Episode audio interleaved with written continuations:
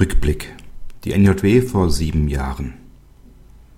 Legt man die Bundesverfassungsgerichtentscheidung zugrunde, in der die Rechtschreibreform für verfassungsgemäß erklärt wurde, feierte die für so viel Verwirrung sorgende Reform jüngst ihr zehnjähriges Jubiläum. Horst Sendler aus Berlin kritisierte in der NJW vor sieben Jahren die Gefahr vor Sprachverfälschungen. Er störte sich daran, dass ein adverbial angereichertes Adjektiv wie wohlüberlegt nach der Reform offenbar in zwei Worten geschrieben werden muss. Damit werde der Sinn gelegentlich in Frage gestellt und sogar ins glatte Gegenteil verkehrt. Denn es mache einen Unterschied, ob die Argumente für eine solche Reform besonders gründlich, also wohlüberlegt, oder eher oberflächlich, wohlüberlegt, vorgetragen werden.